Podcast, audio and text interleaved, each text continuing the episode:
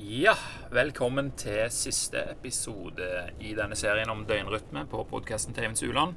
Og dette er et tema som vil, gjøre det, som vil gjøre det enklere for oss å skjønne hvorfor ting er vanskelig, og hvordan det kan bli lettere, da. Magen og tarmene trenger altså tolv timer for å kunne utføre det nødvendigste av vedlikehold. Og en annen ting som skjer når det har gått ca. tolv timer, er at vi òg havner en viss grad i ketose. Og det er en uh, ganske stor del av hvorfor denne her uh, time restricted eating, uh, periodisk faste greiene, er så bra. For da bruker vi egenlagra energi. Og, de, og, det gjør vi jo siden det ikke er noe tilgjengelig for umiddelbart bruk fra magen.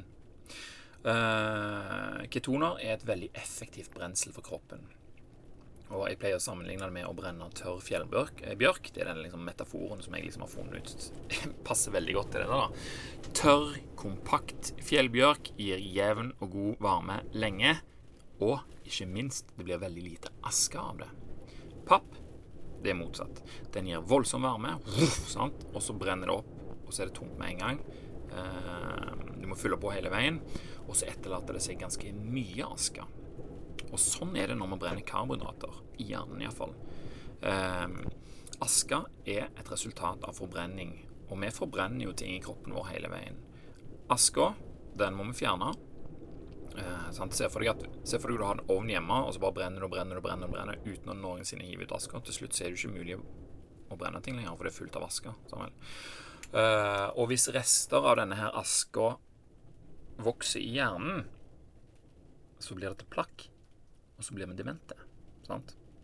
Eh, plakk i pannelappene. Og paradoksalt nok så gjør plakk i pannelappene det gjør, gjør, det enda vanskeligere å havne i dyp søvn, som jo er nødvendig for å få fjerna det.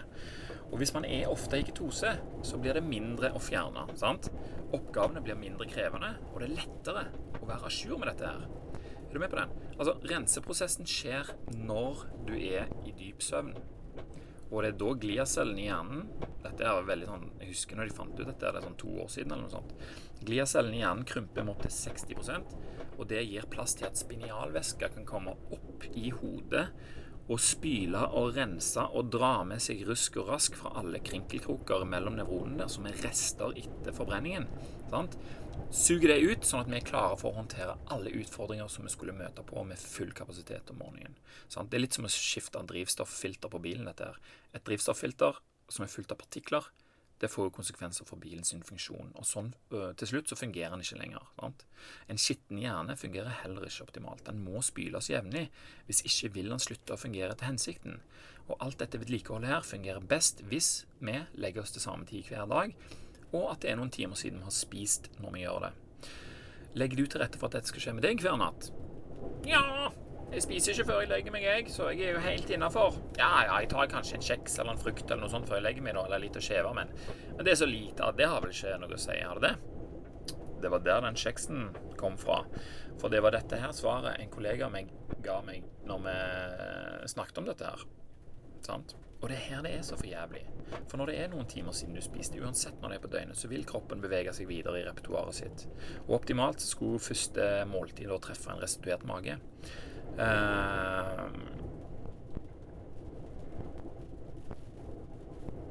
altså Når kroppen får mat, eller han forventer å få mat, så vil han øke magesyreproduksjonen. Gjøre seg klar. Sant? Det sa jeg jo nettopp i forrige episode.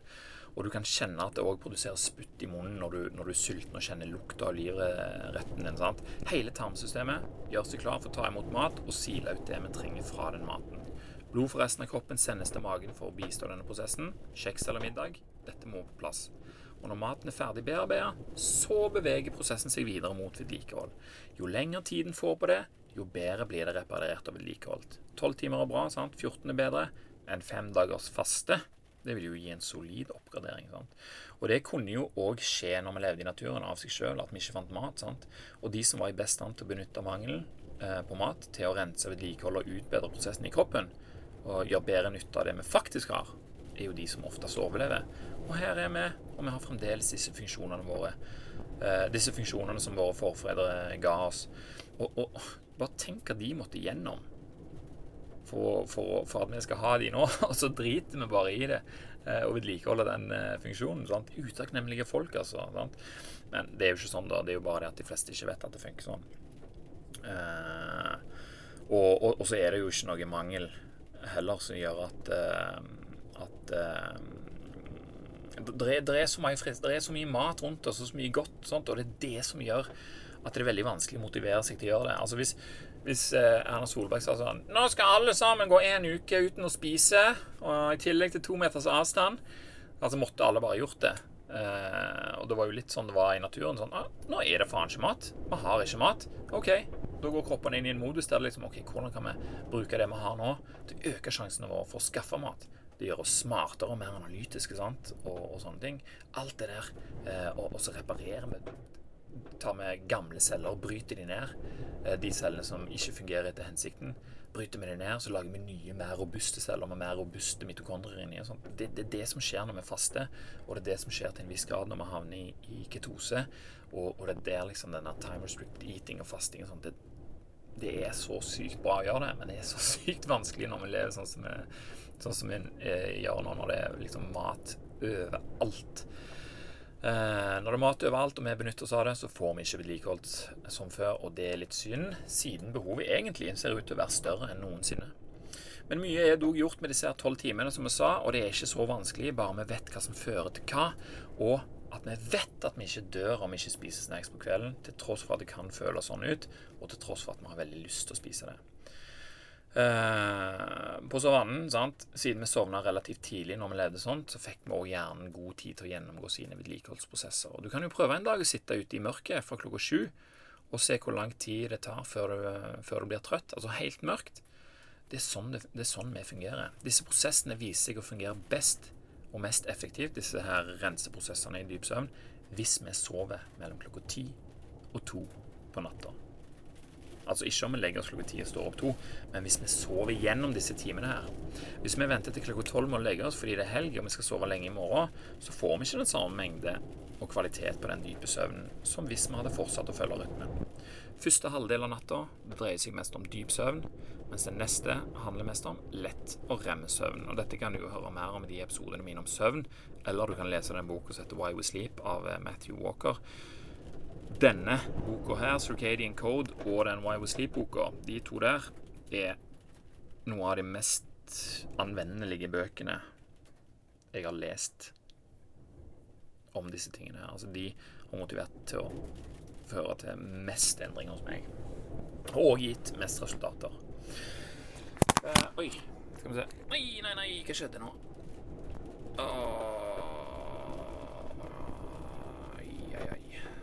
Åh. til en knapp. Og da kommer jeg litt ut av det her. Ja, her. Her kommer jeg. Og en annen ting som, som, eh, som, som skjer når vi sover, er at minner som er lagra i korttidsminnet, flyttes over til langtidsminnet via lange hjernebølger. Sant? Og det skjer under dyp søvn. Hjernen renses for aske, og det, eh, det, skjer òg under, under, dyp søvn. Sant? Og når, når da dette her er skjedd, da er det da er hjernen egentlig ganske sånn klar til å trene, faktisk. Og det han ønsker å gjøre, det er også å trene på å forholde seg til vanskelige situasjoner. Til og med absurde situasjoner, som vi kanskje har godt av å ha øvd oss på om vi skulle møte på noen virkelige situasjoner som krever det beste av oss. Er du med? Altså, når vi drømmer, så er det helt sinnssyke ting som skjer, og vi bare forholder oss til det. Eh, og den erfaringen der som vi har gjort oss gjennom drømming, det kan hjelpe oss å, å, håndtere dagene våre. Og dette her foregår mot slutten av søvnen vår. Og da er vi litt inne på det her med fasting igjen. Det, det, skjer på slutten. Og òg her foregår det minneoverføring. Mens nå foregår det gjennom sånne korte elektriske signaler i hjernen som de kaller for søvnspindler. Og Matthew Walker han sier at det der kan du faktisk se at liksom Du kan se at liksom det flyttes. Uh, og, søvnspindler forekommer under lett søvn når det nærmer seg morgen. Får vi gjort dette hver eneste natt, så betyr det at vi har ledig kapasitet til å ta inn mer informasjon når vi våkner. Og dette er jo et must for skoleelever. Men samtidig er det jo mange av disse skoleelevene som vekkes av alarmen før dette er unnagjort. Er det plass i minnet deres da til ny lærdom? Vil dagens erfaringer og lærdom lagres i langtidshukommelsen? Hvis ikke vi få flytta den informasjonen, så vil det bli vanskeligere å ta en ny informasjon neste dag. Det er fremdeles fullt av gamingstrategier og nyheter og Snap Stories i korttidsminnet. Og hvis noe skal inn, så må det byttes noe ut, og vi kan ikke velge hva det skal være. Og blir noe info i korttidsminnet bytta ut før vi får lagra det i langtidsminnet, så er det vekk for alltid. Hvis vi får lagt det inn i langtidsminnet tidsnok, så er det der for alltid. I alle fall. Gjerne ikke for alltid, men mye lenger iallfall. Uh, og hvis vi ikke har lagt oss tidlig nok i forhold til når vi skal stå opp, så rekker vi jo ikke å få med oss dette her. sant? Uh, og, hvis vi har gjort det, så har vi sannsynligvis ikke lagt oss tidlig nok til at vi får full uttelling for denne her dype søvnen heller. Så da mister vi både dyp og rem-søvn. Og på toppen av det hele så er det vanskelig å huske hva vi har lært og hva vi har opplevd. Og da kan du tenke deg hvor viktig det var å huske hvor det fantes mat, og hvor det luska farer i nærområdet når vi, når vi bodde ute. Sant? Dette var jo veldig veldig viktig. Nytta ikke bare sånn hvor pokker var det det var mat igjen, liksom? Sant? Det går ikke.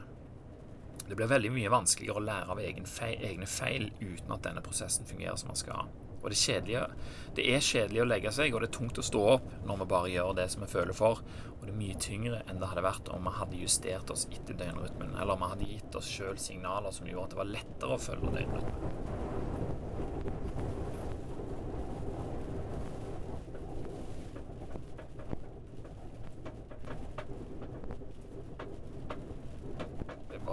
Det blåser noe helt sykt her.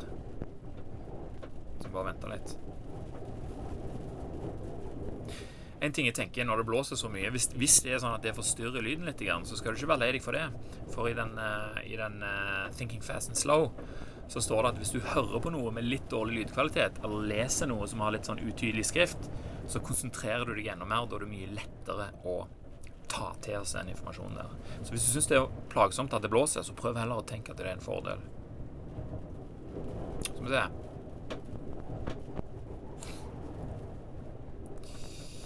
Skal vi se Skal vi se Hvor var jeg nå? Ok, ja, For det er kjedelig å legge seg, og det er tungt å stå opp hvis vi bare gjør det vi føler for. Det er kjedelig å skru av TV-en, sant? og det er veldig kjedelig å stå opp fordi vi er ikke ferdige å sove. Så enkelt som det. Tyngre enn det hadde vært hvis vi hadde justert oss etter døgnrytmen. Vi når vi står over tidlig, så setter vi altså i gang med dagen før vi er klar. Sant? Prosessene som skal hjelpe oss gjennom dagen, har ikke fått forberedt seg sånn at de kan være så effektive som de kan være. Og vi får lavere kapasitet og høyere risiko for å fortsette å ha lavere kapasitet enn vi kunne hatt. Og kapasitet kan ha en fantastisk renters rentereffekt hvis du er en god flyt. Men hvis du er en dårlig en, så blir det fort som kredittkortfeller som gjør at vi aldri kommer oss ovenpå. Renters renter sant? i et indeksfond f.eks. Det er ikke mer enn skarve 7 eh, gjennomsnittlig per år. Så det tar litt tid å bygge det momentet der. Men motsatt. Kredittkortet det ligger på over 20 Og da skal jeg si det, det blir fort underbakke, og det er veldig vanskelig å hente seg inn igjen. Så, så det er derfor vi trenger denne her hjernevasken eh, for å, for å klare å å snu dette her. Og det handler alt sammen om at vi lever i et annet miljø enn vi evolusjonært har tilpassa oss å leve. Sant? Flere millioner år tok det å komme til oss, og så levde vi sånn i 200 000 år, før vi på noen få hundre år har skaffet oss teknologi som gjør habitatet vårt fullstendig ugjenkjennelig for de som aldri har sett det. Og det er evolusjonær mismatch som er utfordringen vår i veldig veldig, veldig mange ting. Eh, vi kontrollerer sjøl lys, varme og mat. sant? Det er ikke omgivelsene våre som styrer det lenger. Har vi godt av å ha det ansvaret sjøl? Det er sånn som når du kom på videregående skole, så er det sånn Ja, nå har dere ansvar for egen læring. Ja, jeg var iallfall ikke moden nok til å, til, å, til å klare det. Og jeg tror òg det er veldig mange mennesker som ikke er modne nok til å ta det ansvaret. Um, og det er ikke det at de er modne nok heller, men kanskje Dette er, det er ikke så mange som vet det, rett og slett. Sant? Det er det som er problemet. Og uh, mengden livsstilssykdommer i samfunnet vårt sier jo sitt om det. Sant? Hvor vanskelig det er, og, og hva konsekvensene er. Skal vi fungere bra, så er det en fordel om vi sjøl tar en flik av den rolla som vi vet at moder natur har spilt for oss. Samuel. Det er ansvaret som vi er nødt for å ta siden vi har fortrengt naturen og dens signaler i våre moderne habitater. Vi kan vite hvordan kroppen virker, og hva som får den til å virke. Da kan vi sørge for å utsette den for passende signaler, som igjen gir passende prosesser som passer til det vi skal gjøre. Vi virker bedre, vi virker som vi skal. Men hvordan hadde det vært om ting ikke var som det skulle? sant? Hvordan hadde det vært hvis vi utsatte kroppen for signaler som tilsa at det var en helt annen tid på døgnet enn hva som var praktisk for oss? Hva om vi, rett før vi la oss, spiste en god porsjon mat? Hva om vi stirrer inn i et speil med kraftig lys over oss mens vi puster tennene? Hva om vi stirrer inn i en skjerm mens vi lå i senga og prøvde å sove? Ville det bli vanskeligere å få reparert disse 8-12% av tarmlinjen? Hva om vi gjorde det flere dager på rad? Ville det forstyrre vår evne til å havne i skikkelig dyp søvn? Ble det vanskeligere for oss å fjerne beta-amylganplakk som bygger seg opp i pannelappene? Husker vi dårligere? Sover vi dårligere? Øker vi sjansen for demens? Hva om dette her foregår flere år? Sant? Ville vi gå glipp av denne her drømmesøvnen som bl.a. trener oss i å takle vanskelige situasjoner? Hva om dette ble et mønster som ble vanskelig å bryte, og hva om grunnen til at vi ikke får utført dette vedlikeholdet, var at det var et kjekt program på TV? En serie med flere sesonger som ikke har noen ting som helst med deg å gjøre, bortsett fra at det er en kilde til det som oppleves som behag. Hva om grunnen til at magen din er i ulage, er at du har lyst på noe om kvelden?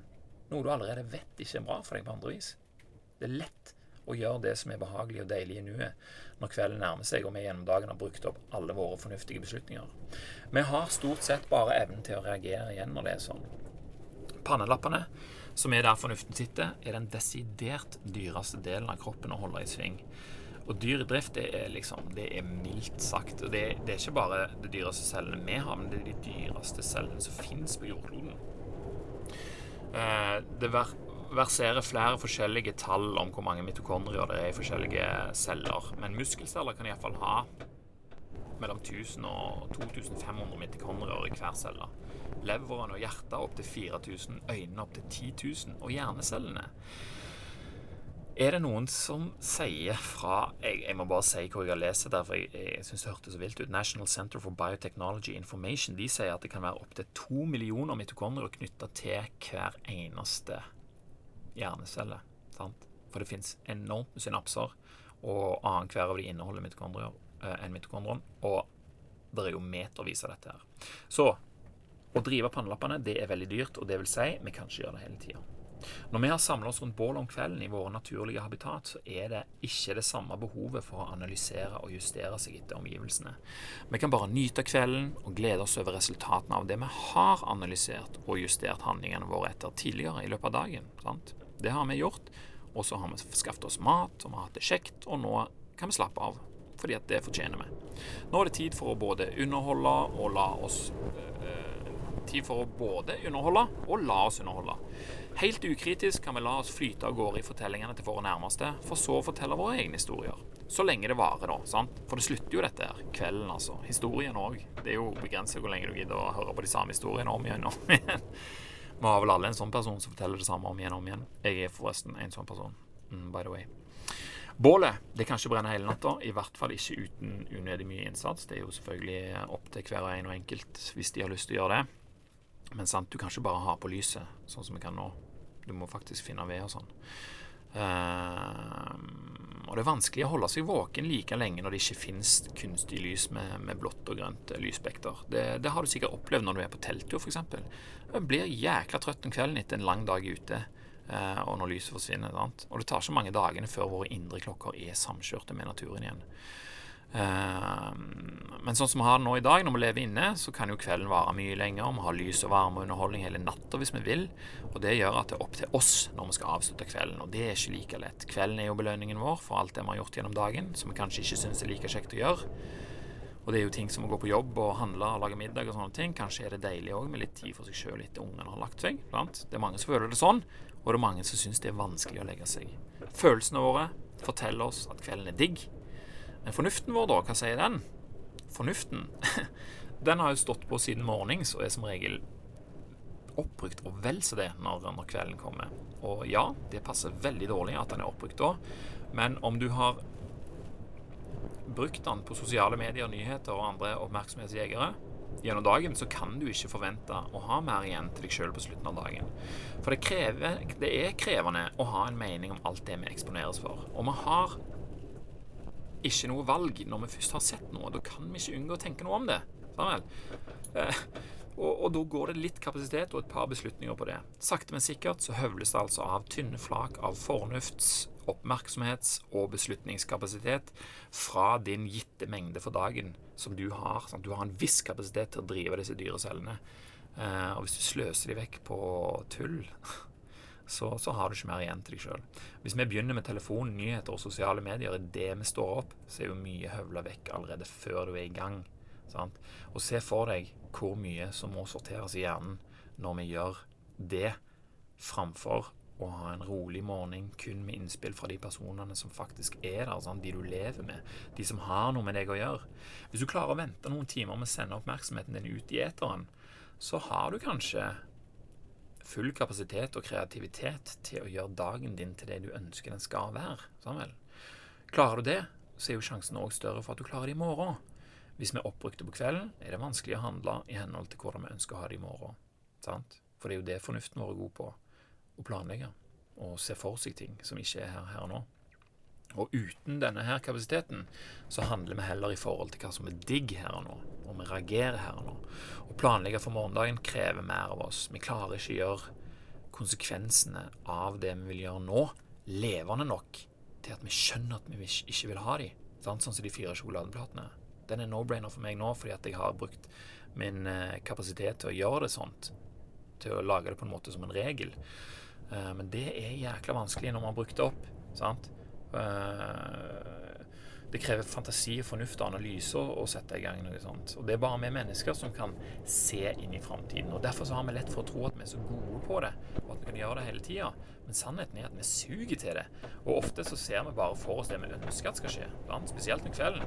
Vi er bare bedre enn alle de andre som lever på jorda. Det er det eneste grunnen til at uh, Eller den eneste forskjellen. Vi, vi, kan det, og de andre kan det ikke. Det er ikke det at vi er dritgode, og de andre er steindårlige. Sant? Det kan være at de er steindårlige, og vi er bare litt dårlige. Sant? En utfordring er at det, som jeg sa tidligere òg, at vi merker ikke når fornuften begynner å gi seg. Sant? Det glir bare over i at vi har en tendens til å gjøre det vi vil nå, framfor å gjøre det som trengs for at vi skal ha det som vi vil i morgen det føles veldig likt, og ofte så føles det òg som om vi vinner noe. Sant? Altså Plutselig så er det sånn Jeg vet ikke hva drit i. Jeg, tar og ser den filmen, jeg, og så blir det takeaway i dag. Hvor, hvor, hvor er han der plagsomme, fornuftige typen som ikke vil dette her? Dette er jo superdigg. Sant? Ja, ja, han er ikke her nå iallfall. Da er det liksom fritt fram. Og så våkner du opp neste morgen når fornuften er noenlunde restituert. Da. Og da kan jeg banne på at du har tenkt det samme som jeg har tenkt mange ganger. Hvorfor gjorde jeg det i går? I kveld skal jeg legge meg tidlig. Det er iallfall helt sikkert. Og så kommer kvelden, da. Og fornuften er nok en gang brukt opp. Og vi ser ikke helt poenget med den fornuftige beslutningen om å legge oss tidlig likevel. Jeg er jo helt våken nå. Vi har jo klart oss bra i dag, har vi ikke det? Klart du har det. Det føles jo sånn, for du har ikke fornuften med deg. Og så driver du og spiser og omgitt av lys som forstyrrer og forvirrer døgnrytmen din. Det er jo ikke løye du tror du har roen. Og Jeg vet at jeg alltid maser om dette med å legge, legge, seg, hvor vanskelig det er å legge seg. Men det sier litt om hvor stort problem det har vært for meg i fortida. Nå har jo jeg vært A-menneske i sånn fire-fem år eller noe sånt. Men jeg jobber fremdeles med å holde argumentene ferske, sånn at jeg kan fortsette som A-menneske. Fordi jeg vet hvor mye mer digg det er enn å være B-menneske. For det er fort gjort å havne i dårlige mønster, og det er enda vanskeligere å få seg ut igjen. Og en måte å kontrollere det i større grad på, er jo da å bruke noe av fornuftskapasiteten vår tidligere på dagen til å forutse hvordan ting vil være om kvelden. Sant? For da er vi jo da er vi jo stand til Da har vi full kapasitet. Da, da er vi faktisk ganske gode til å se inn i framtida. Uh, og basert på hva for noen konsekvenser det gir deg i morgen, kan du ta en avgjørelse på vegne av den trøtte, behagelighetssøkende, kveldselskende deg sjøl som du vet tar over for fornuftige deg når den er brukt opp. Morgensider, det er en arena for dette her, sier bare jeg, altså. Det er her i alle fall jeg får mest eh, effekt. Og det, og det var morgensider som gjorde meg til et A-menneske òg. Det var da jeg begynte å skjønne at, eh, at, eh, at goodiesene finnes om morgenen, ikke om kvelden. Og da var òg dagene mine mye bedre. Så morgensider er det perfekte verktøyet for å holde disse her tingene på sjakk. Det det, det er da det er lettest å handle i forhold til hva du vet. Sant? Det blir ikke så eh, reaktivt. Så det er jo sånn veldig mange har det eh, i dag. Sant? At det ting, ting, bare skjer, og så blir helsa i både kropp og sinn ramma. Vi kan gjøre som vi vil, og så ender vi opp med å gjøre det òg, siden vi blir så dårlige til å se framtidige konsekvenser. Og så blir vi så gode til å bagatellisere det i fordel til nå. Sånn. Du har vært på fest en gang og sier 'Skal du være med på nachspiel?' Og så tenker du litt sånn ah, 'Da kan du bli litt trøtt i morgen.' Så tenker du 'Ja, drit i det'. Og så går du allikevel. Sant? Resultatet eh, Altså ikke bare nachspiel, men se lenger på TV. Da. Se én time lenger på TV enn hva du, enn hva du eh, bør gir vanvittige konsekvenser over tid. Og det gjør at mange er jevnt over trøtte. Men vi merker det ikke, fordi vi er vant til det. Og vi er òg dummere enn vi kan være. Og heller ikke det merker, det, for, merker vi, fordi vi er dummere enn vi kan, kan, fordi vi er dummere enn hva vi kan være. Vi får kanskje ikke drømt skikkelig. Og hva er effekten av det? Rotter som ikke får drømme, er mer aktive og forvirra enn de som får drømme. De bare De bare svinser rundt der og vet ikke hva de driver med. Og så er de òg dårligere i stand til å ta forhåndsregler for sitt eget velbefinnende. Som f.eks. å holde seg langs vegger og i skjul for eventuelle rovdyr, sånn, uten å faktisk oppleve noe som tilsier at det er lurt. Men dette har de trent på når de drømmer. Drømmeløse rotter de bare strener rett ut i åpent landskap uten å ha en eneste bekymring for noen ting. Sant? Helt eksponerte. Fordi de har ikke trent. Sant? Og hva er da vår versjon av å vandre ut i et åpent landskap fordi vi ikke har trent? Hvordan endrer oppførselen vår seg når vi ikke drømmer? Blir vi så lite paranoide at det går utover egen sikkerhet og andres? Vi har jobber som innebærer risiko, sant? og vi kjører jo rundt i tunge kjøretøy her. og Øker risikoen når vi mister jevn og god rem-søvn? Ja, sies det. Sant? De samme som ikke sover lenge og godt nok til at de får drømmer, er jo ofte de samme som ikke får reparert tarmlinjen sin. Og de har da redusert immunforsvar, og gjerne har de noen ekstra kilo òg. Og da begynner vi å snakke livsstilssykdommer og gigantiske kostnader for samfunnet. Og for hva? Kveldskos som går ut av sine bredder og preger hele livet våre. Det er jo ikke noe mer.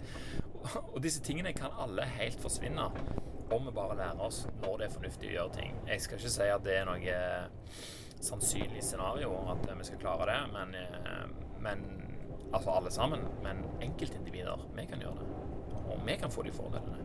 Og andre kan se at vi gjør det, og så kan litt flere folk gjøre det. Og, og sånn kan vi få det litt bedre. Jeg, jeg er iallfall en fan av å ta litt ansvar sjøl. Og jeg kan ikke basere min oppførsel på hva alle andre gjør. Jeg må klare å finne det ut sjøl. Og, og, det er jo her den der flokkmentaliteten vår kommer inn i bildet. For det er veldig lett å gjøre sånn som de andre gjør. Men hva er grunnene til at de andre gjør som de gjør? Sant? Det er ikke sikkert det er en god grunn for meg. Og da får jeg motivasjon til å finne ut hm, kanskje jeg gjøre det på en annen måte. Og en annen måte er jo å la kroppen få gjøre seg ferdig med vedlikeholdet og de oppgraderingene som man trenger for å fungere på et høyere nivå hver dag. Det blir enklere å ha med andre mennesker å gjøre. Det er en viktig ting for meg. Og det blir enklere å kontrollere fristelser, og det blir enklere å vite hva som er bra å gjøre, og så gjennomføre de tingene. Når vi ikke gjør det, og samtidig tilbringer store deler av dagen inne i svakt lys, så vil det øke sjansene for at vi utvikler migrene, angst, irritasjon, depresjon, autisme, ADHD, PTSD, Alzheimers og psykose. Og det er det, det doktoren sier i denne boka, og den lista var mye lenger enn det som jeg ramser opp her. Eh, og tidligere, når han Sachin Panda har sagt ting, så har jeg tatt det med en klype salt. og bare, Nja, det er sikkert ikke så gale, men fy søren, etter hvert som du leser, så skjønner du det er faktisk så gale. Og veldig mye av dette har med lyseksponering å gjøre. så hvordan er det det egentlig virker. Sant? Vi har jo allerede snakket om dette her eh, melanopsin. Men i øynene våre så er det jo flere millioner andre celler, eh, de som vi kaller for staver og tapper. Eh, og blant de så er det òg 100 000 ca. av det som de kaller for retinale nevroceller. Og det er de som sender informasjonen som stavene og tappene registrerer. De sender den informasjonen til hjernen vår. Og hjernen dekoder den informasjonen og gir oss et høyoppløst bilde på hva som skjer rundt oss. Og i 5000 av de 100 nevrocellene eh, i 5000 av disse 100 000 nevrocellene så finnes altså det her proteinet som i stor grad bidrar til å justere kroppens funksjoner og prosesser i, henhold til omgivelsene.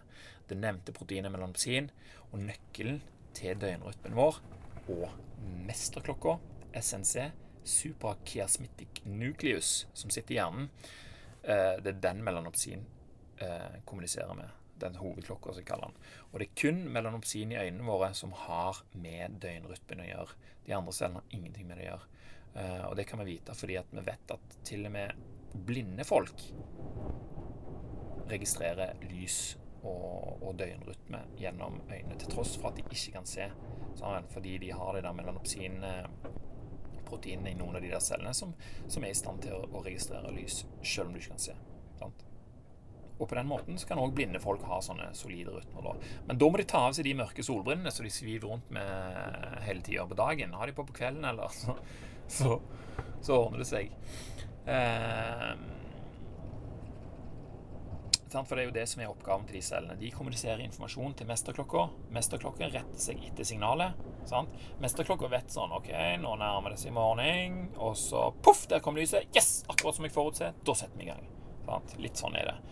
Uh, og så begynner han Det han setter i gang med, er jo da videreformidle informasjon til de andre klokkene rundt om i kroppen, sånn at de vet hva de kan gjøre. Melanopsin forteller rett og slett SNC om det er dag eller natt.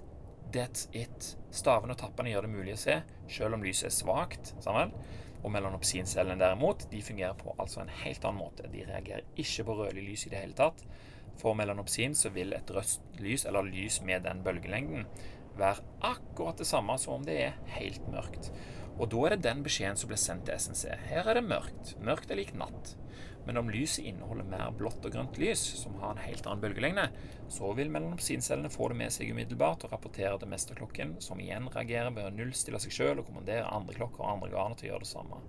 Og liksom så Å, nå er det visst dag. Sant? Helt andre hormoner, helt andre kjemikalier enn de som er ment for å gi oss restaurativ søvn, blir produsert. Og det gjør det vanskelig å sovne om kvelden eller å gli tilbake i søvn sant? hvis man har vært på do f.eks. om natta og blitt eksponert for melanopsin-aktiverende lys midt på natta. Sånn, det skal ikke mer til enn å sjekke klokka på telefonen hvis du ikke har på blue-greiene. Blue-blokkingsgreiene. For det PC-skjermer og telefonskjermer de inneholder faktisk mest blått lys. Og hvis du da sjekker telefonen midt på natta uten blått filter, så vil det påvirke døgnrytmen din. Og hvis du går inn på badet og pisser og skrur på lyset, så er du iallfall ute å kjøre. Spesielt siden vi uh, Nei. Hvis du sjekker klokka, ja. Det er da Det er da For den holder vi jo helt inntil trynet vårt. Sant? Det, og da vil, da vil, det bli veldig lett for uh, for eh, SNC å skjønne hva som skjer da. Uh, vanskelig å gjøre noe med dette her hvis du ikke aner at det er det som skjer. Veldig lett å gjøre noe med når vi vet at det er sånn det fungerer. Sant? Da er det plutselig lett å skru ned lyset om kvelden, ha på blueblock-briller, installere noen røde lyspærer og huske å aktivere night shift på PC-en og telefonen. Altså, hvorfor vil du ikke gjøre det? Eneste grunnen jeg kommer på, er at du kommer på dette her på kvelden når du ikke har kapasitet til å tenke at det er noe lurt å gjøre for den framtidige sjøl. Det røde lyset som jeg kjøpte inn på badet, det lå på hylla i et par måneder før det ble installert, av akkurat denne grunnen. Det er ikke noe poeng i å late som om det ikke er sånn. Vi klarer ikke å gjøre så mye om kvelden fordi vi har brukt opp kapasiteten vår. Gjør det på morgenen.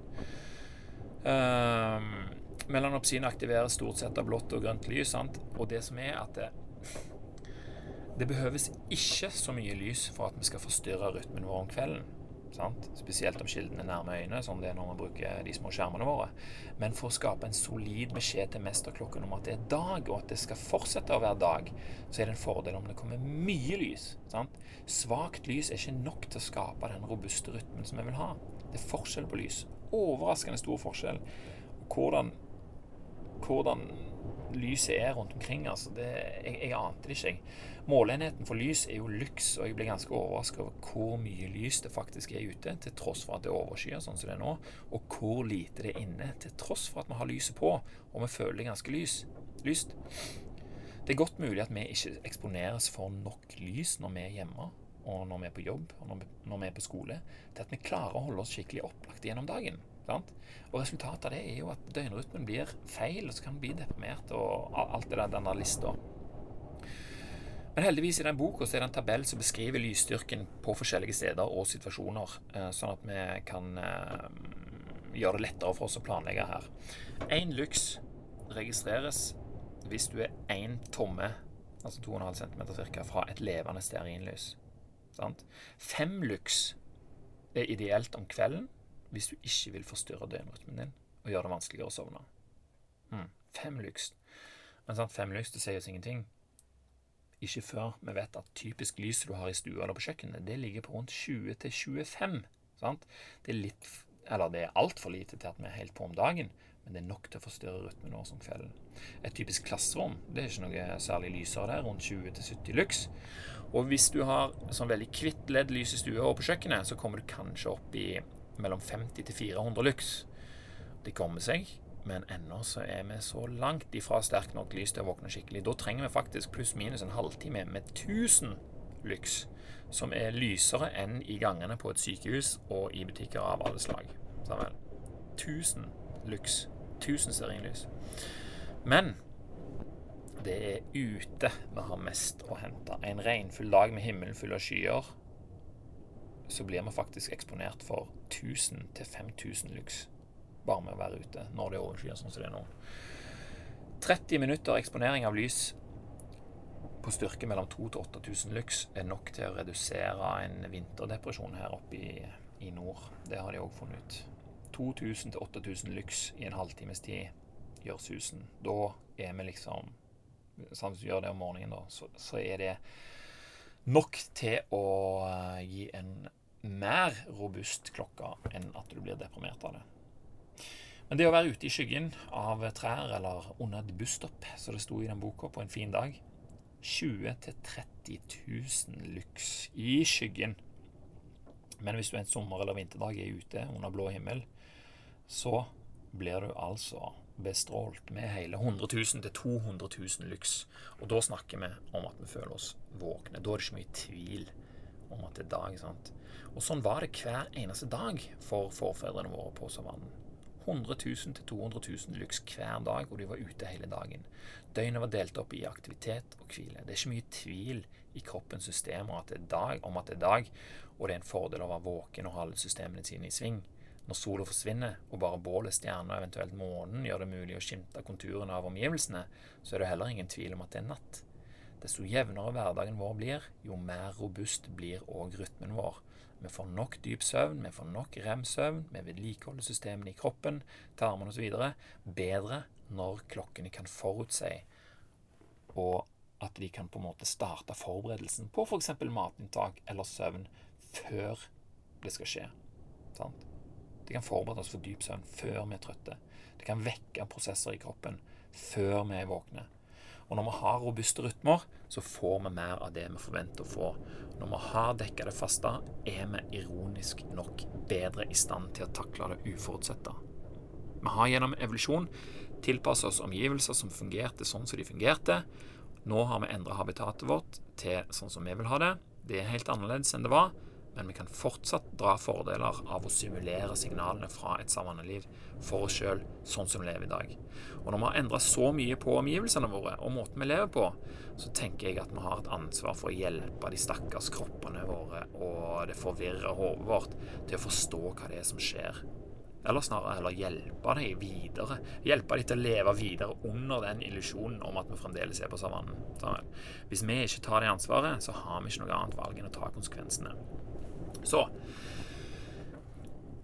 Jeg skal ikke si noe om hva jeg anbefaler, for det pleier jeg ikke å gjøre. Jeg pleier heller å si noe om hva jeg gjør, bare, og så får du sjøl finne ut hvorfor du eventuelt vil prøve det. Jeg vil jo at du skal prøve noen ting, men ikke bare pga. at jeg har sagt det. Du må liksom finne det Det må, det må komme litt fra innsida. Eh, og noen av de tingene som har gjort det lettere for meg, er bl.a. en av de viktigste vil jeg si, er at informasjonen i denne boka her, og mange av de andre bøkene og mange av de andre podkast-episodene og tingene som jeg tenker på, de deler jeg med resten av familien min så ofte som jeg kan. Vi har god tid til å spise frokost hver morgen. Sant? Ingen skjerm eller noe sånne ting er til stede før ungene er på skolen. Og da har vi alle god kapasitet til å prate og har masse fornuft og analytiske evner som gjør oss i stand til både forklare og forstå ting og oversette det til hvordan eh, det skal justere egen atferd. Når alle i familien vet hvorfor det er rødt lys på badet om kvelden, så gir det ikke noe mening å ikke ha det. Sant? Og etter hva jeg hører, så er det nettopp det at ikke alle i familien vet det samme, eller bryr seg like mye om disse tingene, som er den største utfordringen i forhold til å gjøre endringer som er gode for alle. Jeg tar dette for gitt, fordi at vi har det jo sånn. Men uh, ofte når jeg snakker med andre folk, sier det sånn 'Hvorfor gjør dere ikke bare sånn og sånn?' og sånn? Så bare sånn Ja, ja, ja, jeg kunne nå prøvd, men uh, det er ikke så lett å få meg på laget, han andre. Eller liksom sånn. Veldig mange hører over det. Og det handler om kommunikasjon. Og at hvis du har lært deg noe, så kan ikke du forvente at en annen person skal vite det. Da må du sørge for at den andre personen skal lære det. Og det er litt vanskelig, spesielt hvis den andre personen er trassig. Men utfordring som kan gjøres noe med hvis det blir jobba med sammen. Uh, for å krige med sine nærmeste, det er ganske ukonstruktivt. Um, jeg vet ikke helt hvordan det kan fikses, men jevn og god kommunikasjon over tid iallfall vil legge, for, legge, til rette for at dette her blir enklere. Um, så det er en av de viktigste tingene. Å fortelle de andre i familien. Snakke med de andre i familien. Sørge for at vi alle forstår det samme. Da kan vi kanskje begynne å forvente at uh, vi skal slutte å sabotere hverandre. For det, det, det, det, det det det høres ut som veldig mange gjør. at De saboterer hverandre. At du kommer liksom inn og har kjøpt noe ny mat eller skal lage noe god middag, og så er det liksom Dette var drit, og 'Hvor er den vanlige maten og sånt. Og, ja. Jeg er veldig glad vi ikke har det problemet. En annen ting, jeg har montert rødt lys på badet og på soverommene. Og det er um, sånne ting som jeg skrur på om kvelden fra sånn seks-syv-tida. Og ja, det ser rart ut fra veien. Og ja, folk lurer på hva i all verden er dere holder på med. Men som vanlig så er det ikke noe å gjøre med det annet enn å ikke bry seg og å forklare hvis noen spør. Sant? Hele familien vi har blueblock-briller om vi skulle trenge det. Ungene vet godt hvorfor vi velger å bruke det, og de henter de sjøl hvis vi f.eks. skal se på TV om kvelden eller, eller ha på lys. Og vi har òg investert i sånne lysvekkerklokker til hele familien. Eh, den skrur seg sakte på over en halvtimes tid og gir fra seg noen fuglekvitter eller noe sånt til avtalt tid. Um, og da lyset på det sterkeste. Sant? Og da har du allerede bekrefta for SNC at det er morgenen det du våkner opp, det du lukker opp øynene. Sånn, uh, og for min del så pleier jeg å våkne da før alarmen. Sånn. Og da, er jo, da våkner du jo naturlig, på en måte. Og med en gang du våkner, så kommer det da lys inn, og så kjenner du faktisk at kroppen våkner. Så jeg prøver bare å åpne øynene så mye som mulig og få mest lys inn, liksom. Så etter noen par minutter bare, så kjenner du at du er ganske mye mer våken, og det er ganske mye mer Det er ganske mye lettere å stå opp enn når du har liksom alarmen på, og, og du skrur på lyset, og det er liksom ubehagelig. Uh, og dette hadde en mye, mye større effekt enn hva jeg trodde det ville ha, Uh, så nå vet du det. Uh, og når vi først har stått opp, da, så er det òg veldig sterkt og godt lys på badet sterkt og godt lys i gangen, kjøkken og stuer. Jeg skifta masse lyspærer tidligere her i høst, og nå prøver vi liksom å få inn så mye lyks som vi klarer den første tiden. Så for nå er, jo, nå er, vi jo midt på det mørkeste. Nå er det jo mørkt ute, så vi kan ikke forvente å få noe derfra før i sånn 10-11-tida. Eh, så derfor så har vi på så mye lyks som vi klarer inne, og det ser ut til å virke veldig bra. Eh, det gir oss en robust døgnklokke som vet når det er morgen, og hvis døgnklokka vet når det er morgen, så vet han òg når en skal kjøre diverse prosesser. Og ikke minst så vet han òg mye bedre når det er kveld, så man kan eh, klargjøre de prosessene som trengs for det. Og så har du da selvfølgelig smarttelefonen, og den har jeg jo kvitta meg med fra før, så der er det ikke noe problem. Eh, hvis du ikke har kvitta deg med den, så er det jo flere ting du kan gjøre. Du kan jo fjerne ting der som er interessante for deg, og du kan gjøre det bakstreversk og, og bruke de tingene som du liker. Fjerne apper, og, og så går det an å ha gråtoner bare på skjermen. Sant? Og du kan la den ligge i stua istedenfor å ta med på rommet. Sånne ting hjalp mye, men det var ingenting som hjalp så mye som å kvitte seg helt med telefonen. altså. Men det var òg heller ingenting som har hjulpet så mye på dette her som å legge meg til samme tid hver dag, uke og helg. Oh my goodness. Det var da jeg virkelig kjente hva en robust rytme var for noe altså Det nytter ikke å jetlagge hver helg. altså. Etter et par uker så hadde jeg mer rem-søvn og mer dyp søvn enn jeg noensinne hadde hatt. Og siden kvaliteten på søvnen gikk opp, så begynte jeg å våkne tidligere enn før. sant? Og det er jo fordi at jeg er ferdig med å sove. Sant? Altså øh, Og det, det, det, kan jeg jo lese av på den der auraringen min. Og den lyver ikke. sant? Jeg kan våkne jeg, øh, etter fem timer og lyge til meg sjøl om hvor godt jeg tåler å sove lite. Jeg ser folk gjøre det hele tida. Men hvis du hadde sett på, på, hvordan faktisk hjertevariabiliteten din var, og hvordan eh, hvilepulsen din var, og, og, hvor mye du har beveget deg når du sover, eh, så har du ikke så veldig gode argumenter lenger. Så legge seg hver dag jeg, jeg, tror faktisk jeg aldri har vært så våken eh, som jeg er nå.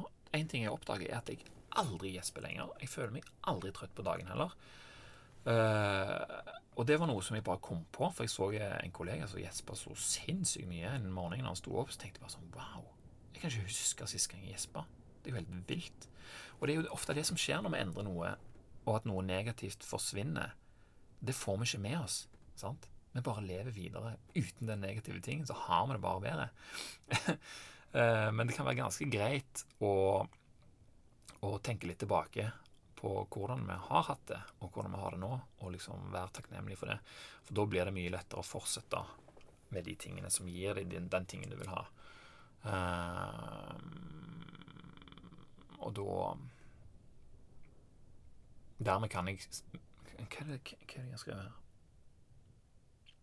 Ja, siden, altså, Vi har jo bare følelsen av at vi lever inni kroppen vår hele tida. Det er veldig vanskelig å vite. Akkurat som det er vanskelig å vite når kapasiteten vår går ned om kvelden, så er det veldig vanskelig å vite at jeg har slutta å gjespe. Og Dermed kan jeg med trygghet si at det nok er flere ting, flere gode ting, som gjør det enklere for meg å leve nå, som jeg bare ikke har helt eh, fått med meg. Sant? Og det er digg. Det er digg å leve når det er bra, eh, og jeg får til ting. Og det gir oss veldig mye glede. Og når, når vi får til ting det er jo han der lykkeprofessoren sa, vet du, at, eh, at du har noen prosesser som foregår som du sjøl er en stor del av at går sånn som du vil det skal gå. Det gjør oss lykkelige. Søvn, mat og lys, altså. Det var det. Fremdeles bare litt av det som sto i boka. Det må du ikke glemme. Uh, hvordan var det egentlig å høre om dette her? Hva for noen ting føler du at du kan gjøre for å hente noe ut uh, For å hente ut noe av fordelene en solid rytme kan ha? Og vil du komme til å gjøre noe med dette her? Er dette noe å foreslå som nyttårsforsett? Send meg en beskjed og fortell om det hvis du har lyst, på eivind.podkasten.no. Eivind med EY. Og med det så sier jeg takk for meg, og takk for nå. Takk til deg som hørtes på. Og så snakkes vi neste gang. Det kan godt være at det blir til neste år, faktisk. Så da sier jeg med det samme god jul og godt nyttår til alle sammen. Vi snakkes neste gang.